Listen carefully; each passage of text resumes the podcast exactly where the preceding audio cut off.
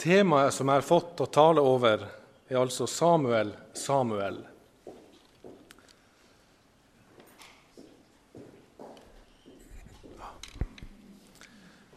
Og Profeten Samuel han virker i ulike roller, både som dommer, som prest og som profet. Ja, han til og med utvelger konger. Men i dag skal vi se spesielt på hans profetiske rolle og kallelse. Og Vi skal lese 1. Samuels bok, kapittel 3, der det står om hvordan Samuel blir kalt til profet. Men før vi gjør det, la oss be sammen. Allmektige himmelske Fader, du som har kalla profetene og sendt dem ut med ditt ord. Du som har kalt apostlene og sendt dem ut med ditt ord. Ja, du som fortsatt i dag kaller mennesker til å gå ut med ditt ord. Vi ber med Samuel, Herre, tal, dine tjenere høre. I Jesu navn. Amen. Første Samuels bok, kapittel tre.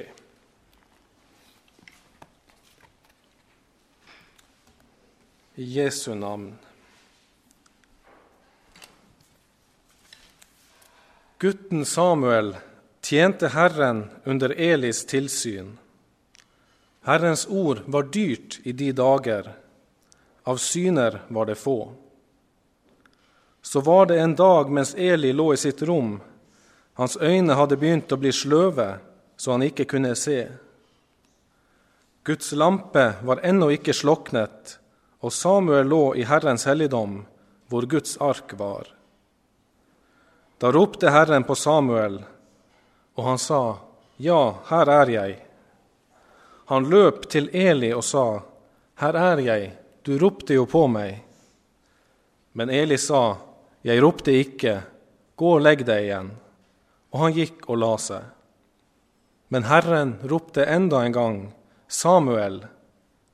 Og Samuel sto opp og gikk til Eli og sa, Her er jeg, du ropte jo på meg. Men han sa, Jeg ropte ikke, min sønn, gå og legg deg igjen.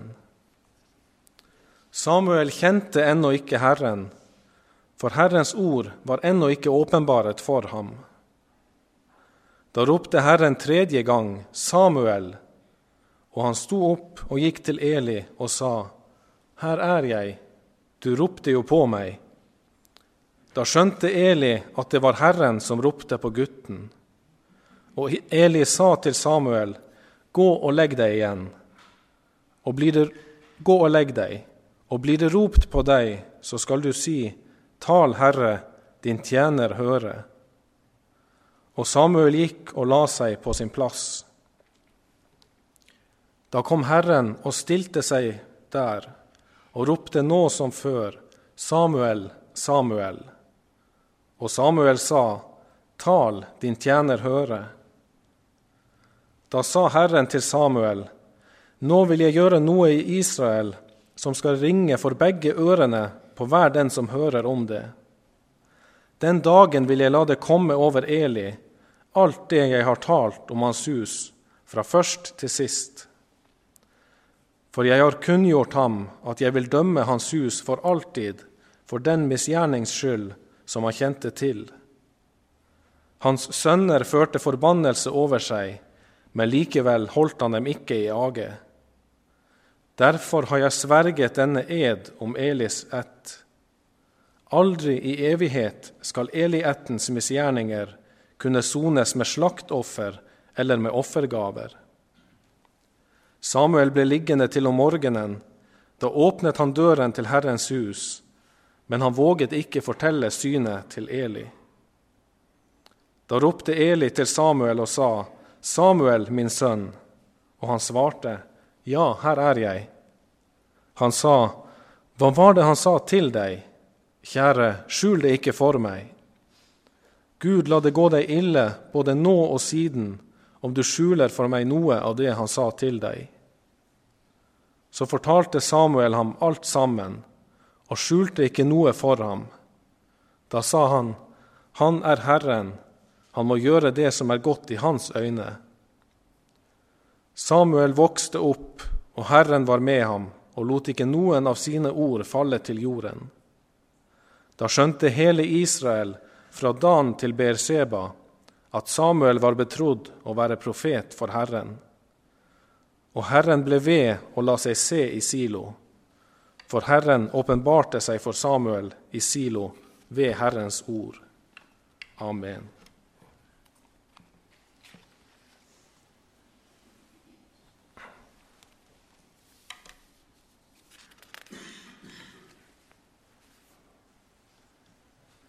Som en innledning så vil jeg si at Samuels kallshistorie på mange måter er ulik flere av de andre kallelsesfortellingene i Bibelen. Hans syndighet blir ikke nevnt, som f.eks. hos Jesaja, som sa:" Ved meg, jeg er fortapt, for jeg er en mann med urene lepper, og jeg bor midt, i, midt iblant et folk med urene lepper. Ikke heller nevnes hans manglende evne til å gå Herrens vei, som vi ser f.eks. hos Moses eller hos Jeremia, som sa:" Herre, Herre, se, jeg forstår meg ikke på å tale, for jeg er ung. I Samuels kallelsesfortelling så ligger fokuset på Samuels profetiske innvielse. Og første Samuelsboken viser hvordan det er Gud som gjør alt når det kommer til sin kallelse av Samuel. Han forbereder ved å gjøre Hanna barnløs, og etter å ha gitt hos Samuel som svar på bønn, og etter at Hanna har sendt ham til Eli på grunn av sitt løfte, så åpenbarer Gud seg for Samuel. Samuels kall til profet er et kall til å være Guds talerør for folket. Når Gud vil ha noe sagt, så skal Samuel forkynne det. Det er også det her som gir hans tale autoritet, nemlig at det er Guds ord han taler. Og Når vi nå skal se på hans kall, så kommer det til å bli sammenligna med det kall som ordets tjenere får i dag. Og Vi skal da være klar over at selv om det fins likheter, så fins det også ulikheter mellom de to. For eksempel så blir Samuel som Guds profet kalt til å profetere om navngitte mennesker, om bestemte ting og bestemte hendelser. De derimot som har kall til å være ordets tjenere i dag, skal ikke uten videre gjøre det her, men deres hovedoppgave er å rett dele sannhetens ord for tilhørerne, dvs. Si i lov og evangelium. Ja, Paulus forklarer i 1. Korintiebrev 14 at den som taler profetisk, taler for mennesker til oppbyggelse, formaning og trøst. Samuel på sin side kan si 'Så sier Herren', og så kan han forkynne et budskap som kanskje virker helt nytt, men som folk skal følge med samme autoritet som de skal følge resten av Guds ord. I dag, derimot, skal ordets tjenere forkynne det som allerede står skrevet. Man kan anvende ordet på forsamlinger og på ulike situasjoner, men man er helt bundet av at det allerede står skrevet. Og det fins flere ulikheter, men kjerna er likevel det samme. Både Samuel og dem som i dag er ordets tjenere, er kalt til å frembære Guds ord til folket slik som Gud har sagt det. Det vil for oss si sånn som det står skrevet. Dette var som en innledning. Nå skal vi gå over til hans kallelsestekst. Og De tre første versene står som en bakgrunn eller situasjonsbeskrivelse for hvordan det var når Samuel ble kalt til profet. Det fortelles at han bare var en gutt når kallet kom. Og sjeldne varer er dyre varer. Sånn er det for oss i dag, og sånn er tekstens ord brukt. Herrens ord var dyrt i de dagene. Av syner var det få. Og det fortelles at Eli lå i sitt rom. Hans øyne hadde begynt å bli sløve, så han ikke kunne se. Og så står det at Guds lampe var ennå ikke sloknet, og Samuel lå i Herrens helligdom, hvor Guds ark var. Og det her antyder at Samuel hadde oppgaven med å passe på Guds lampe, pga. Elis sløve syn, kanskje. Men lampen det var ansvaret til ypperstepresten, men det kunne også holdes i stand av andre prester. Moses taler om det her i 2. Mosebok 27, at Aron og hans sønner skal holde lampene i stand fra kveld til morgen for Herrens årsyn. Det skal være en evig gyldig lov for Israels barn fra slekt til slekt. Det betyr at tida når Gud kalte på Samuel, det var mellom kvelden og morgenen, for Guds lampe var ennå ikke slokna. Og Nå kommer vi til kallelsen i vers 4, og da står det at da ropte Herren på Samuel. Altså mens Samuel lå og tok hånd om Guds lampe, da ropte Herren på Samuel. Og vi har sett at det var en mørk åndelig tid hvor Guds ord og visjoner eller syner var dyrebar. Og nå ser vi i tillegg at åpenbaringa gikk forbi ypperstepresten Eli og kom til gutten Samuel. Og Samuel trodde det var Eli som kalte på ham, og han viser sin lydighet ved å løpe til ham og si, 'Her er jeg'. På samme måte som f.eks. Abraham, Jakob og Moses gjorde når Gud kalte på dem. Men Eli forsto ikke at det var Gud som kalte, og han sendte han tilbake. Etter at Gud hadde ropt på Samuel andre gangen, og han sprang til Eli og ble sendt tilbake, så står det at Samuel kjente ennå ikke Herren, for Herrens ord var ennå ikke åpenbart for ham. Og Legg merke til at det står 'ennå' her i teksten. Samuel kjente ennå ikke Herren, for Herrens ord var ennå ikke åpenbart for ham. Men det skulle bli det, og da skulle han kjenne han. Og Når det kommer til kallelsen, så ser vi i teksten at det handler om at Gud åpenbarer sitt ord for profeten. Det er når Gud åpenbarer sitt ord for mennesker, at de lærer å kjenne Han. Og det er sånn Han gjør dem dugelig til å bære fram sitt budskap, til å være Hans profet. Paulus sier at det ikke er sånn at vi av oss selv duger til å tenke ut noe som av oss sjøl, men vår dugelighet er av Gud, Han som også gjorde oss dugelige. Og sånn her ser vi at det var fra Samuel. Han som kanskje enda levde i kanskje vi skal si sin barnetru, selv om det kan være et litt diffust uttrykk. Det var når Herrens ord ble åpenbart for ham, at han kunne være Guds profet og bære videre det som han hadde hørt. Sånn var det for Samuel, og sånn er det for alle som er kalt til å være ordets tjenere. Og det er også sånn her vi alle mennesker blir kjent med Gud på, og altså blir kristne, nemlig ved at Gud åpenbarer sitt ord og dermed seg sjøl for oss. Det er aldri sånn at det er vi som prøver å komme til Han, og så får vi liksom et klapp på skuldrene når vi finner Han. Nei, Gud åpenbarer seg sjøl gjennom sitt ord og lærer oss å kjenne Ham på den måten. Ja, Jesus sier at Faderen drar oss.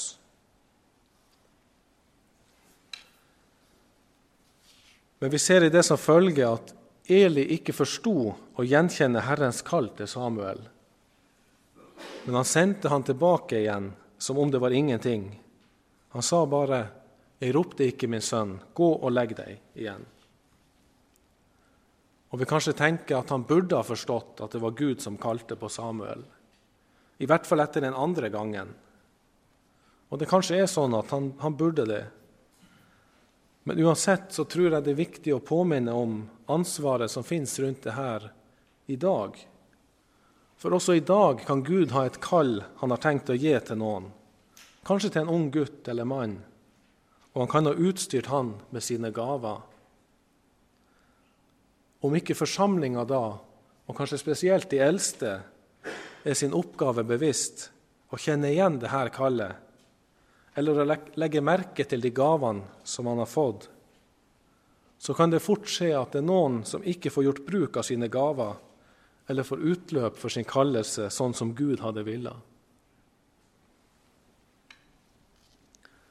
Vi skal lese litt i vår kirkes bekjennelse om det her med kallelse. Den augsburgske bekjennelsen, artikkel 5, sier etter at den har talt om rettferdiggjørelsen ved tro på Kristus, at for at vi skal komme til denne tro, er det innstifta, dvs. Si av Gud, en tjeneste med å lære evangeliet og forvalte, meddele sakramentene.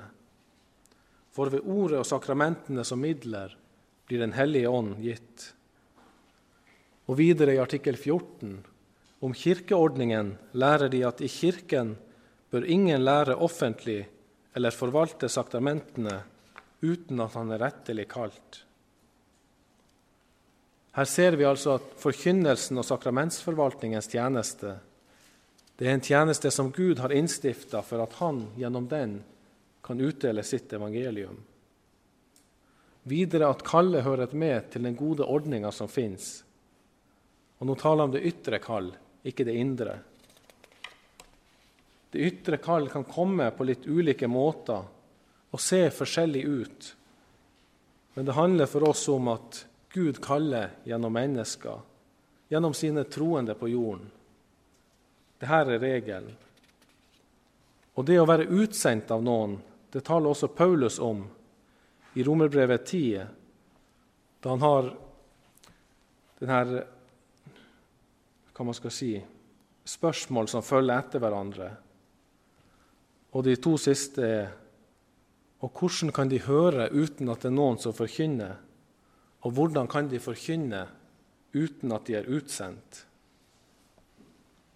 Om ikke forsamlinga og lederne har øynene åpne og hjelper de her unge menneskene til en tydelighet rundt de her spørsmålene, så blir kanskje noen gående uten å få trådt inn i den tjeneste som Gud hadde tenkt for dem. Og det å ikke vite om man virkelig har et kall fra Gud, eller om man bare innbiller seg noe, det kan være til en byrde for den enkelte. Men vi kan likt Eli, han som hjalp gutten Samuel til å forstå at det var Gud som kalla på han. Vi kan likt ham hjelpe unge mennesker sånn at de også kan forstå at det er Gud som kaller på dem. Og vi kan hjelpe dem med hvordan de skal gå fram for å forberede seg for et sånt kall. Sånn som Eli fortalte til Samuel hva han skulle svare når kallet kom. Samuel han fikk et kall direkte fra Gud, men i dag er det som sagt vanlig at f.eks. For en forsamling kaller noen. Og hvis det er noen som lurer på om de har et kall, så vil jeg anbar om de kanskje har en nød for mennesker, at de lengter etter at mennesker skal få høre Guds ord forkynt, få høre om Jesus og det han har gjort for dem. Da vil jeg oppfordre deg til å ta kontakt med din prest eller noen av de eldste i din forsamling. Kanskje det er noen som du kan samtale fortrolig med, som du stoler på og som kan vise deg videre. Da kan du få prøve denne kallelsen. Da kan mennesker som er satt i en posisjon til å prøve, se om de kan gjenkjenne Guds kallelse i deg. Og det å få en ytre kall til en tjeneste i den offentlige forsamlinga, det er ikke bare en god orden, men det er også en velsignelse for dem som skal høre forkynnelsen. De kan vite at den som forkynner for oss, han er prøva, og man har funnet at han har et kall ifra Gud, og at han er i overensstemmelse med Bibelen og vår bekjennelse. En annen sak er at for den som skal forkynne Guds ord, så er det også en stor velsignelse å kunne si til seg sjøl Gud har kalt meg til dette oppdraget. Om han har fått et ytre kall, så trenger han ikke å gå rundt og la sine egne tanker og tvil plage han. Men da kan han være viss på, uansett om hans indre kallelse skifter, at han etter god orden har blitt kalt av Gud. Teksten viser at Eli behøvde at Samuel tre ganger kom til han, før han forsto at det var Herren som kalte på Samuel. Da svarte han at han skulle gå og legge seg igjen Og om det skjedde en gang til, så skulle han svare, Tal, Herre, din tjener høre. Og Samuel gikk og la seg på sin plass. Men den fjerde gangen så står det ikke bare at Herren ropte, men også at han kom og stilte seg hos Samuel. Og han kalte Samuel med en dobbelt anvendelse av hans navn. Han sa 'Samuel, Samuel'. Og ved å bruke navnet to ganger så skulle Samuel forstå hvor betydningsfullt det var, det som skjedde. Det var en livsavgjørende hendelse. Han skulle bli stoppa opp for virkelig å høre etter hva Gud hadde å si. Og Vi vet også fra vår dagligtale eller fra vårt daglige liv at om noen sier vårt navn, så lytter vi automatisk. For vi tenker kanskje det er noe som angår oss. Men om vi hører vårt navn to ganger etter hverandre, sånn som Samuel gjorde, da vet vi at det som kommer, det får vår fulle oppmerksomhet. For det er viktig, og det gjelder oss. Det er just vi som er kalt, ingen andre. Og det som Samuel fikk høre, det var budskapet som han skulle gå ut med, og med det altså kallet til å være Guds profet. Og Samuel svarte som Eli hadde lært han, selv om ordet 'Herre' ikke ble tatt med. Han sa 'Tal, din tjener høre'.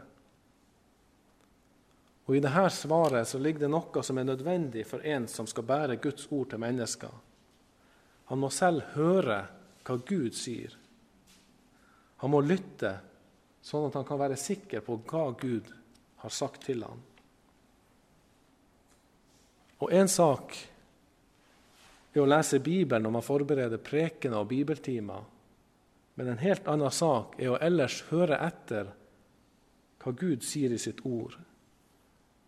Jeg snakker om at man leser Bibelen ikke bare for å bringe det videre, men for å høre hva Gud sier til meg nå, i dag, til min egen oppbyggelse. Og Det gjelder for oss alle når vi hører det profetiske ordet i Skriften. Når vi hører hva Gud taler til oss, da gjelder det å lytte. Bibelen sjøl formaner sterkt til det her. F.eks. i Hebreerbrevet 3. Derfor, som Den hellige ånd sier, i dag, om dere hører Hans røst, da forherd ikke deres hjerter som ved forbitrelsen på fristelsesdagen i ørkenen. Nei, i stedet skal man høre for å ta til seg det som sies. For det er gjennom å høre som man blir kjent med Herren, som vi har nevnt. Og det er gjennom hørselen som man får liv. Jesaja sier i sitt 55. kapittel.: Vend øret hit og kom til meg. Hør, så skal deres sjel leve.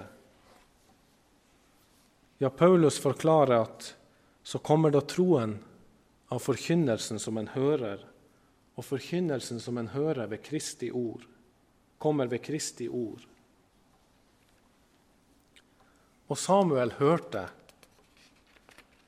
og vi ser at budskapet som Herren åpenbarte for han, det var ikke et gledesbudskap, men det var noe som skulle ringe for begge, for begge ørene på hver den som hørte om det.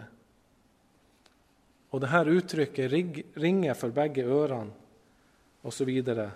Det er anvendt andre steder i Bibelen, og det brukes som sjokkerende nyheter om ei ulykke som er utført av Gud.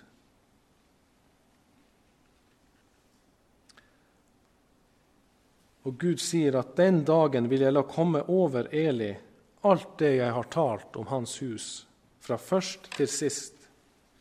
For jeg har kunngjort at jeg vil dømme ham, dømme hans hus for alltid for den misgjernings skyld som han kjente til. Hans sønner førte forbannelse over seg, men likevel holdt han dem ikke i age. Derfor har jeg sverget denne ed om Elis ett. Aldri i evighet skal elighetens misgjerninger kunne sones med slaktoffer eller med offergaver. Samuels første profeti, eller det første oppdrag som Herren gav ham, det var kanskje også hans vanskeligste. Til Eli den som hadde hatt tilsyn med Samuel, og som hadde tatt vare på ham helt fra Hanna hadde overlevert ham til Herren, når han var blitt et avvent barn, til ham skulle Samuel forkynne at hans slekt skulle forgå.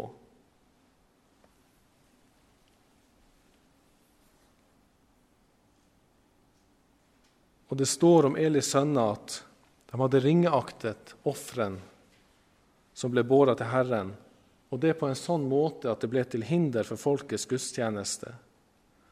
Og de lå med kvinnene som gjorde tjeneste ved inngangen til sammenkomstens telt. De var ulver i fåreklær. Og Gud hadde tidligere advart Eli om at det som hans sønner gjorde, ikke ble tolerert. Og Eli hadde irettesatt sine sønner, men han hadde ikke tatt til de virkemidler som han skulle ha gjort. Gud holder imot han at han ærer sine sønner mer enn Gud sjøl. Og dem som er her i dag, og som har fått et læreansvar i Guds forsamling Det fins nok ingen grunn for oss å hovere over Eli eller andre som svikter på sin post. For vi vet hvor vanskelig det kan være sjøl. Vi vet at hvis ikke Gud med sin mektige hånd i nåde hadde holdt oss oppe og hjulpet oss i vår nød, så ville vi falt dypere enn Eli. Og teksten viser oss hvor vanskelig det kan være å skulle bære fram Guds ord. Samuel syntes ikke det var lett å bringe Guds tunge ord til Eli. Det står at han ble liggende til om morgenen. Og han hadde sikkert tenkt og tenkt og grua seg til hvordan han skulle kunne si det her til sin kjære Eli. Og det har nok vært mye bønn under den natta. Han har nok bedt til Gud om at det han skulle si, måtte falle i god jord. At Gud ville hjelpe han, sånn at Eli kunne ta til seg Guds ord. Og at Gud ville være med Samuel både når han bar fram Herrens ord, og også etterpå. Men så står det når han kommer ut på morgenen, at han våget ikke å fortelle synet til Eli. Han våget ikke å fortelle synet til Eli. Men Gud hadde tålmodighet med sitt unge kar. Han visste å forme Samuel, og han brukte Eli som redskap. Vi ser at så snart Samuel åpner døra til Herrens hus, så virker det som om Eli har ligget og venta på at han skulle komme ut med et budskap. Og når Samuel forblir stum eller stille, så presser Eli på og begynner å spørre han. Hva var det han sa til deg, kjære? Skjul det ikke for meg. Gud la deg gå det ille både nå og siden, om du skjuler for meg noe av det han sa til deg. Jeg tror nok at her ordene har vært anvendt av Gud til å påskynde Samuels munn. Og Sånn kan også dem som har fått en tjeneste fra Herren til å være Hans ords tjenere, og alle kristne for den saks skyld, få en ytre hjelp fra Herren. For så kan en som er satt til å forkynne Guds ord, han kan ha noe som han så gjerne ville ha sagt forsamlingen, kanskje ei utvikling som han ville påtale. Og så går han med kamp i seg sjøl om hvordan han skal si det. Og så finner han ingen passende mulighet. Da kan det plutselig komme et ønske at han skulle holde et foredrag eller bibeltime. Og så får han et tema som handler om akkurat det som han har gått og tenkt på. Da kan det gi han en større frimodighet til å si det som han i kjærlighet ville formane om.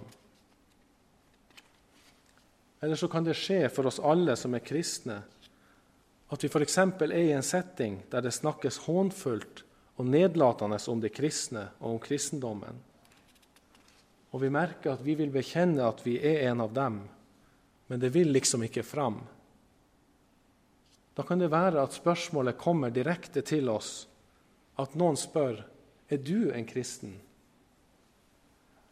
Da skal vi være glad for at Gud åpner opp for oss og til og med hjelper oss i vår skrøpelighet, sånn at vi tydelig kan bekjenne vår tro på Ham og vitne om saker som hjelper de andre til å forstå hvorfor vi er kristne. At vi på samme måte som Samuel er kristne for at Gud har åpenbart sitt ord for oss, sånn at vi har fått blitt kjent med Han. At Gud i sin store barmhjertighet har åpenbart for oss at vi i oss sjøl ikke fortjener å komme til himmelen, men derimot på grunn av våre synder fortjener den evige fortapelse, og at derfor sendte Gud sin egen sønn i døden for å ta straffen for alt det onde som vi har gjort, sånn at vi på grunn av det har fått blitt arvinger og barn til Hans rike. At Gud ved å gjøre sin, sin sønn til synd for oss dermed har åpna opp for å kunne gjøre oss rettferdige gjennom å tilregne oss det som hans sønn har fortjent, og at dette var den eneste måten som vi kunne bli kristne på. For bare gjennom at Gud fikk betaling for alt det onde som vi har gjort, bare derfor kunne Han som sjøl er hellig og ren, og som ikke kan ha samfunn med det som er syndig og urent, bare på den måten kunne Han igjen gjøre oss mennesker til sine barn. Men selv om Samuel denne gangen fikk en ytre tilskyndelse til å bære fram Guds budskap, så er det ikke alltid så. Det vanlige som vi ser ellers i Bibelen, er at sammen med et kall til å forkynne Guds ord, så hører det med en indre tilskyndelse, en indre kamp. Jeremia sier om det her i kapittel 20.: For så ofte jeg taler, må jeg skrike, jeg må rope om vold og ødeleggelse, for Herrens ord er blitt meg til hån og til spott hele dagen. Jeg tenkte, jeg vil ikke mer komme ham i hu og ikke tale mer i hans navn. Men da ble det i mitt hjerte som en brennende ild, innestengt i mine ben. Jeg trettet meg ut med å tåle det, men jeg maktet det ikke. Og den indre trang til å forkynne Guds ord den kan også bli større pga. advarselen som gis om hvilket ansvar som samtidig følger med et kall. Det kan vi lese om i Esekiel 3, at Gud sier at når jeg sier til en ugudelige, du skal visselig dø, og du ikke advarer ham, ikke taler og advarer den ugudelige for hans ugudelige ferd for å holde ham i live, da skal han, den ugudelige, dø for sin misgjernings skyld, men hans blod vil jeg kreve av din hand. Eller som Paulus sier, for om jeg forkynner evangeliet, så er det ikke noe å rose meg for. Det er en nødvendighet som ligger på meg, for ved meg om jeg ikke forkynner evangeliet. Ja, dette er det alvor som pålegges dem som har kallet til å være en ordets tjener. Og det er ikke alltid at folk omvender seg, selv om ordet blir forkynt klart og rent. Det er ingenting som tyder på at Elis sønner omvendte seg. Og til og med om Jesus står det at når han kom til, til sitt hjemsted i Matteus 13, da gjorde han ikke mange kraftige gjerninger der pga. deres vantro. Og det er han som sjøl er Guds ord. Og Stefanus ble steina, og Paulus likeså.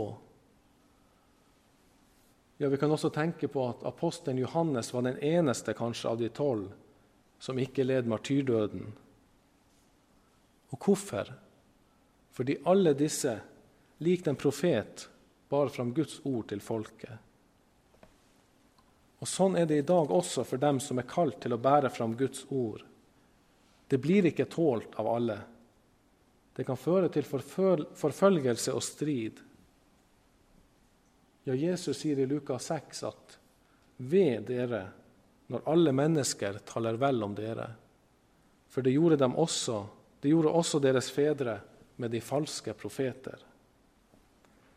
Men de sanne profeter de blir ikke godkjent av alle. Og Det kan være en hjelp til oss å tenke på at selv om det ikke blir noe stor vekkelse, så er det ikke dermed sagt at det nødvendigvis er forkynnelsen det er feil på. Det kan være det. Vi skal undersøke om det som sies, om det stemmer med Bibelen, eller om Gud har noe han kunne ha klagd over. Men selv om det altså møter motstand, så er det ikke det i seg selv en målestokk å måle forkynnelsen på. Men Eli kom ikke med motstand. Han tok imot Guds ord fra Samuel, sikkert med sorg, og han sa at han er Herren, han må gjøre det som er godt i hans øyne. Eli forstår at det ikke fins noen vei utenom dommen. Det som Gud har sagt, det kommer til å skje. Og det er det som er både det gledelige når vi tenker på at Jesus har lovd alle oss som tror på Han, en evig salighet. Men det er også det som er det alvorlige når vi tenker på Guds dom over synden. Ja, himmel og jord skal forgå, men mine ord skal slett ikke forgå, sier Jesus. Og så kommer det etter det her, etter Elis svar til Samuel, så kommer det en epilog, eller en, en avsluttende bemerkning. Det står at Samuel vokste opp, og Herren var med ham og lot ikke noen av sine ord falle til jorden. Da skjønte hele Israel fra Dan til Beersheba at Samuel var betrodd å være en profet for Herren. For Herren. Ved sitt første oppdrag så sto det, som vi har sett, at Samuel ikke våga å fortelle det til Eli. Men her i slutten av kapittelet så leser vi at Samuel vokste opp, og at Herren var med ham. Og de her versene liksom dufter av en vekst hos Samuel. Det er liksom som Samuel har fått en mye sterkere frimodighet. Nå var det ikke lenger sammen frykt for å forkynne Herrens ord. Og vi kan spørre hvorfor fikk han ikke denne frimodigheten i begynnelsen med sin første profeti, når det nå virker så annerledes? Jeg tror svaret ligger i at frimodighet kommer ved at man går Herrens vei og gjør det som Han befaler selv om man frykter for det. Når man så har gjort det, så kommer man, likt Samuel, til å erfare at Herren var med. Og etter en sånn opplevelse så vokser tilliten til at Gud også kommer til å være med neste gang og gangen deretter osv. For Herren er med dem som har sendt ut med sitt ord. Han var med Samuel og lot ikke noen av sine ord falle til jorden. Og Gud stadfesta for folket at Samuel var hans utvalgte profet. Og vi som hører en forkynnelse i dag, vi har en bibel som vi skal prøve alt på. Stemmer det som predikes, med Bibelen? Kjenner vi igjen det fra profetene og apostlene? Eller er det noe som er helt nytt? Johannes sier i sitt fjerde kapittel, i sitt første brev, at mine kjære, tro ikke enhver ånd, men prøv åndene om de er av Gud. For mange falske profeter er gått ut i verden. Vi skal ikke tro alt vi hører, men vi skal prøve alt og holde fast på det gode. På dette skal dere kjenne Guds ånd. Hver ånd som bekjenner at Jesus er Kristus kommet i kjød, er av Gud. Og hver ånd som ikke bekjenner Jesus, er ikke av Gud. Dette er antikristens ånd. Er det det her som forkynnes, eller forkynnes det noe annet? Vi kan vite hva som er fra Gud, og hva som ikke er fra Han. Og vi kan trygt avvise dem som forkynner en annen Kristus. For Herren er ikke med dem, sånn som han var med Samuel, og sånn som han er med alle andre som han har sendt ut med sitt ord. Og det siste verset sier at Herren ble ved å la seg se i Silo, for Herren åpenbarte seg for Samuel i Silo ved Herrens ord. Det var ikke gjennom store opplevelser, som Herren ble ved å la seg se i Silo. men ved sitt ord. I dag fortsetter Herren på samme måten å åpenbare seg ved sitt ord. Det er ordet som igjen og igjen i Skriften blir vist å være Herrens åpenbaringsmåte. Det var sånn han kalte Samuel, og det var sånn han lærte Samuel å kjenne ham. Det var sånn han forkynte sin dom over Eli, og det er sånn han åpenbarer seg sjøl for oss. Og Vi ser at før Samuel ble kalt til profet, så var ordet dyrebart og sjeldent. Men nå overfløda det gjennom Samuel til hele Israel. Og det var i en tid med omveksling, da Israel ville ha en konge som alle andre landene hadde. Men Gud, Gud lot sitt ord høre i en sånn tid også. Det kan være til trøst for oss som lever i en veldig omvekslende tid. Gud kommer til å la sitt ord forkynnes i dag også. Vi behøver ikke miste motet når vi ser hva som skjer rundt oss. Vi behøver ikke miste motet når f.eks. biskopene og Kirkemøtet godkjenner en ny ekteskapsliturgi. For Gud har makt til å bevare sine på tross av alt som skjer. Det ser vi at han gjorde med Israel, når prestene i Silo drev på med sin forakt mot Gud. Da forkynte han dommen over dem gjennom sin profet. Han tillot ikke at det skjedde for evig. Og Gud fortsetter å sende mennesker i dag også. Matteus 28 sier, som vi kjenner til, Gå derfor ut og gjør alle folk til folk, alle folkeslag til disipler, idet dere døper dem til Faderens og Sønnens og Den hellige ånds navn, og lærer dem å holde alt det jeg har befalt dere, og se, jeg er med dere alle dager inntil verdens ende. Og i Johannes 20 står det Jesus sa da igjen til dem, fred være med dere. Like som Faderen har utsendt meg, sender også jeg dere. Og da han hadde sagt dette, åndet han på dem og sa til dem, ta imot Den hellige ånd. Dersom dere forlater noen deres synder, da er de forlatt. Dersom dere fastholder dem for noen, da er de fastholdt. Det er dette oppdrag som fortsettes til verdens ende. Og selv om vi har fokusert en del på det alvorlige i å skulle være Guds budbærere, så er det et herlig kall også. Gud har sendt mennesker med oppdrag i å forkynne syndernes forlatelse. Og han har gitt løfte om at han er med sine alle dager, i alle situasjoner, under alle prøvelser. Hans løfte er at der mennesker samles i hans navn, der er han midt iblant dem.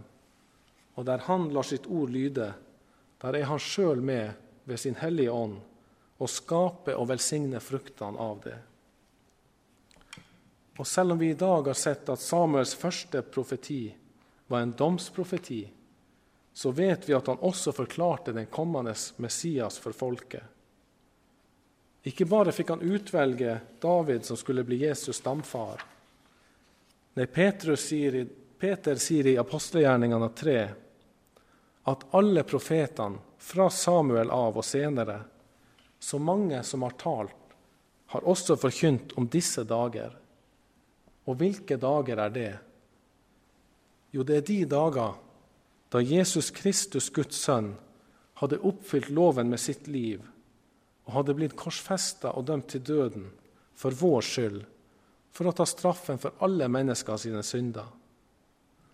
Han hadde fart ned til dødsriket og oppstått fra de døde og fra Faderens høyre hånd så hadde han sendt sin talsmann, sånn som han hadde lova. Det er de dager når Joels profeti blir oppfylt, som sier at jeg vil utgyte min ånd over alt kjøtt. Deres sønner og døtre skal tale profetiske ord, osv. Og, og at det skal skje, hver den som påkaller Herrens navn, skal bli frelst. Ja, denne tida forkynte Samuel om. Så selv om det er et alvorlig kall, så er det likevel det største av alt. Guds evangelium om syndenes forlatelse får vi være med å rekke i ord og sakrament, som en synder som i seg sjøl ikke er verdig til det, til en annen synder som i seg sjøl heller ikke er verdig til det. Men gaven som rekkes, det er det som er det store. Det er den som alt avhenger av. Derfor er ikke Samuel stor av hans egen person, men fordi Gud utvalgte ham og brukte ham til sitt arbeid med Israel. Derfor regner Samuel blant de store i Gamle testamentet. Allmektige Fader, høstens Herre, jeg ber at du driver ut arbeidere til din høst, så som du gjorde med Samuel, og så som du har fortsatt å gjøre etterpå. I Jesu navn. Amen.